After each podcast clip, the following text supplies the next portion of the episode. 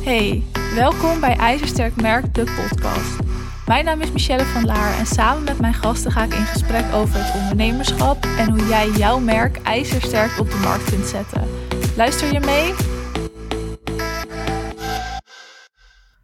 Als ik het heb over een hooggeprijsd aanbod, dan heb jij waarschijnlijk zelf al wel iets in je hoofd een prijs in je hoofd. En wat vind jij hooggeprijsd? En wat voor jou hooggeprijsd is, dat kan voor een ander niet hooggeprijsd zijn of nou precies andersom. En dat is heel erg afhankelijk van en je eigen situatie. Dus wat vind jij hooggeprijsd en wat vind jij veel geld?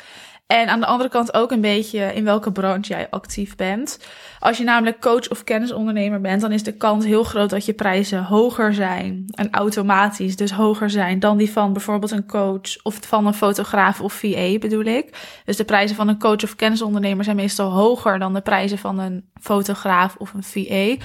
Dus daar hangt het ook van af. Maar ook gewoon je eigen kijk daarop. Wat vind jij hooggeprijsd? In welke branche ben je actief? Maar dat maakt allemaal niet uit. Het gaat erom wat jij hooggeprijsd vindt, dus denk eraan. Wat ik in ieder geval wel weet, is dat je als ondernemer wil blijven groeien. Je hebt gewoon bepaalde ambities, daar wil je naartoe werken. En ik kan je verzekeren dat als je die ambities of dromen hebt waargemaakt, dat er weer nieuwe ambities zijn. En dat bedoel ik met door blijven groeien. Kijk, iedereen zijn omzetdoel is natuurlijk heel verschillend. Maar ik weet wel dat je wil blijven doorgroeien. Hè? Ook in je eigen kunnen, in je leerproces als persoon en als ondernemer. En zo wil je ook door kunnen groeien in je prijzen. In welk vakgebied je dan ook zit en wat je expertise dan ook is. Je prijzen kan je blijven verhogen als je dat wil. En misschien zal er ooit wel ergens een plafond zitten hoor, dat zeg ik niet. Maar het plafond bepaal jij wel zelf. Zo denk ik er echt een beetje over. En er zal dus vast een plafond zijn en die zal je misschien ooit tegenkomen. Maar ook dan kan jij je aanbod nog exclusiever maken. Kan jij dingen toevoegen. Ik denk dat je ergens je aanbod en dus je prijzen bedoel ik altijd kan blijven verhogen. Het is wel belangrijk om je prijs ook altijd in de gaten te houden. Zijn ze nog passend bij je aanbod, maar ook zijn ze nog passend bij jou als ondernemer. Je blijft groeien, zowel als ondernemer als persoon, dus automatisch ook in je bedrijf. En je hebt mensen gewoon steeds meer te bieden. En als jij dus groeit, dan moeten je prijzen daar wel bij passen. Als coach of kennisondernemer leer je bijvoorbeeld steeds meer bij en je programma's worden daardoor of uitgebreider. Je hebt gewoon steeds meer te bieden en je prijzen moeten daarbij passen. Nou, we gaan het natuurlijk niet helemaal hebben over puur die prijzen. We gaan het vooral hebben over hoe jij een hooggeprijsd aanbod kunt verkopen.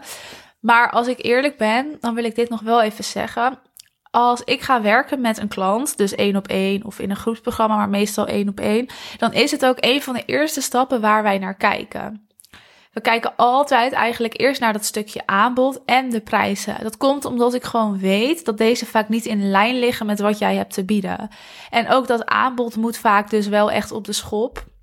En er worden niet heel vaak echt extreem grote veranderingen gemaakt hoor. Maar we passen het wel aan. Eigenlijk fine-tunen we het, zodat het gewoon aantrekkelijker wordt voor jouw doelgroep.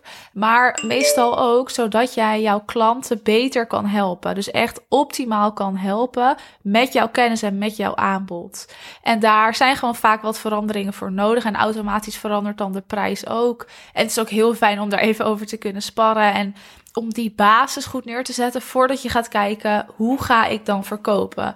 Want dat is stap 10 en je moet beginnen bij stap 1. Maar goed, we gingen het natuurlijk hebben over hoe jij een hooggeprijsd aanbod kan verkopen. En een hooggeprijsd aanbod heeft om te beginnen sowieso een andere strategie nodig dan een aanbod met een lagere prijs. Dat komt omdat je simpelweg gewoon meer geld wil vragen. En degene die dus tegenover jou zit, of jouw potentiële klant, moet ook bereid zijn dat te betalen. En daar is een andere strategie voor nodig.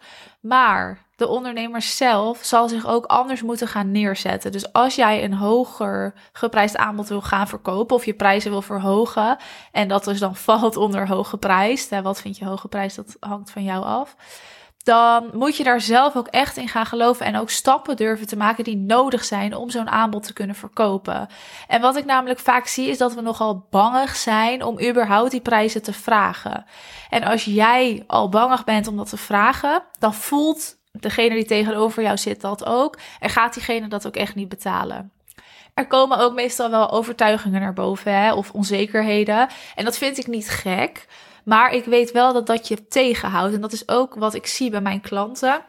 Zodra zij daarin groeien en dus ook echt achter hun prijzen kunnen staan en achter hun hoge prijzen kunnen staan, dan ga je pas echt de stappen zetten die nodig zijn en ga je het ook pas echt verkopen. Je houdt jezelf namelijk heel vaak veel te klein en dat is niet nodig, want je houdt je klein, maar je houdt jezelf dus ook gewoon simpelweg tegen om ook meer geld te gaan verdienen. Als jij een aanbod wil gaan verkopen met een hoge prijs, dan moet er in je mindset dus ook echt wel een shift gaan plaatsvinden. En jij moet erin geloven, je moet vol vertrouwen over kunnen praten.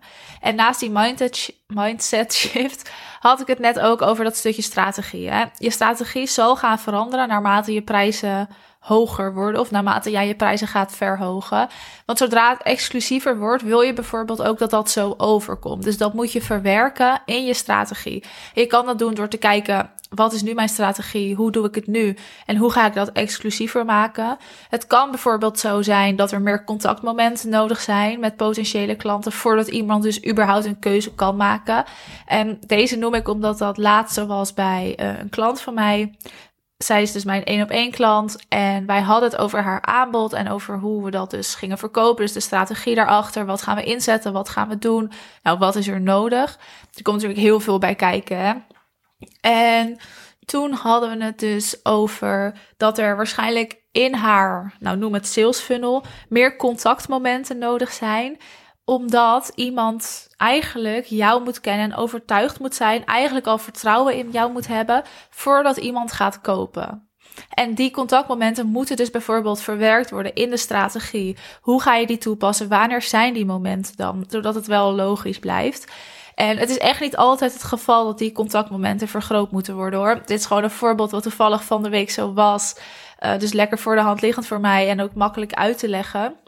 En misschien ook heel erg logisch omdat als jouw aanbod en jouw prijzen dus hoger zijn, dan gaat iemand een hogere investering doen. En dus moet iemand meer vertrouwen in jou hebben dan als de prijs lager ligt. En dat kun je dus heel makkelijk doen met contactmomenten. Maar die contactmomenten moet je dus wel goed indelen en goed benutten. En dat is ook precies de reden waarom ik zeg: het is heel fijn om met een strategie te werken, zodat je gewoon weet wat je wel en niet moet doen om dat aanbod ook echt te verkopen. Nou, ik zei net al, hè, soms is het niet het geval. Uh, een enkele keer moeten die contactmomenten vergroot worden. Soms moet er gewoon op een andere manier informatie gegeven worden. Of moet er andere informatie gegeven worden. Dat komt ook vaak voor. Dus je moet eigenlijk gewoon duidelijk hebben dat jij goed kan communiceren en dat een klant of een potentiële klant duidelijk weet wat ze uit jouw aanbod kunnen gaan halen. Dus eigenlijk heel simpel waarom ze zouden kopen en waarmee jij ze ontzorgt. Dat wil je natuurlijk laten weten in je uitingen al, eigenlijk zonder het er te dik bovenop te leggen. Je vertelt het natuurlijk vaak ook in je salesgesprek. En die salesgesprekken, dat is wel iets waar veel coaches en kennisondernemers vaak op vastlopen. En dat komt vooral omdat we onszelf vertellen dat sales pusherig is of dat we geen harde sales willen doen. We hebben daar vaak zo'n vertekend beeld van. Nou, Elke ondernemer doet aan sales. Jij ook. En of je dat nou leuk vindt of niet, je doet het toch op de een of op de andere manier. En als je het toch doet, kun je het maar beter bewust doen. En dus goed doen, dan dat je het onbewust doet en niet zo goed doet en eigenlijk gewoon heel veel klanten misloopt. Tijdens een salesgesprek moet de intentie namelijk ook niet zijn om per se iets te willen verkopen. Dus jij moet daarmee nou, dat salesgesprek ingaan, dus met de intentie om de andere persoon te helpen en dus ook openstaan voor een nee. Als die persoon niet past bij jouw aanbod en die persoon zegt dus nee, dan mag je daar ook blij om zijn. En dan is dat salesgesprek ook succesvol afgerond, omdat jij iemand geholpen hebt om een juiste keuze te maken. En waarschijnlijk voelde je zelf ook al wel dat die persoon niet helemaal paste binnen jouw doelgroep of niet binnen jouw nou, binnen het plaatje van jouw ideale klant. Dus een nee is ook een succesvol salesgesprek. Wanneer is een salesgesprek niet succesvol? Als die persoon wel helemaal past binnen jouw doelgroep, binnen het plaatje van jouw ideale klant. En alsnog nee zegt, jij bijvoorbeeld geen bezwaren weet te weerleggen, dan is een salesgesprek niet succesvol. Maar de keuze is altijd aan de ander. Als een ander vindt dat het niet passend is, dan is dat prima. Dus aan de ene kant kan een salesgesprek misschien nooit onsuccesvol zijn, omdat je iemand altijd geholpen hebt in het maken van een keuze. Ik was een tijdje geleden zelf ook op zoek naar een coach, een nieuwe business coach, want ik werk natuurlijk ook met een coach en ik zat net nog te denken, eigenlijk is dat ook logisch en misschien zou het wel heel gek zijn als ik zelf niet zou werken met een coach. Want ik ben zelf coach en ik zie dus wat voor veranderingen dat brengt bij mijn klanten en hoeveel zij eraan hebben om een coach te hebben en om zo'n sparringspartner te hebben. En als ik zelf dan niet zou werken met een coach, dan zou dat eigenlijk heel gek zijn. Maar goed, ik was op zoek naar een nieuwe business coach. Ik had een aantal gesprekken ingepland.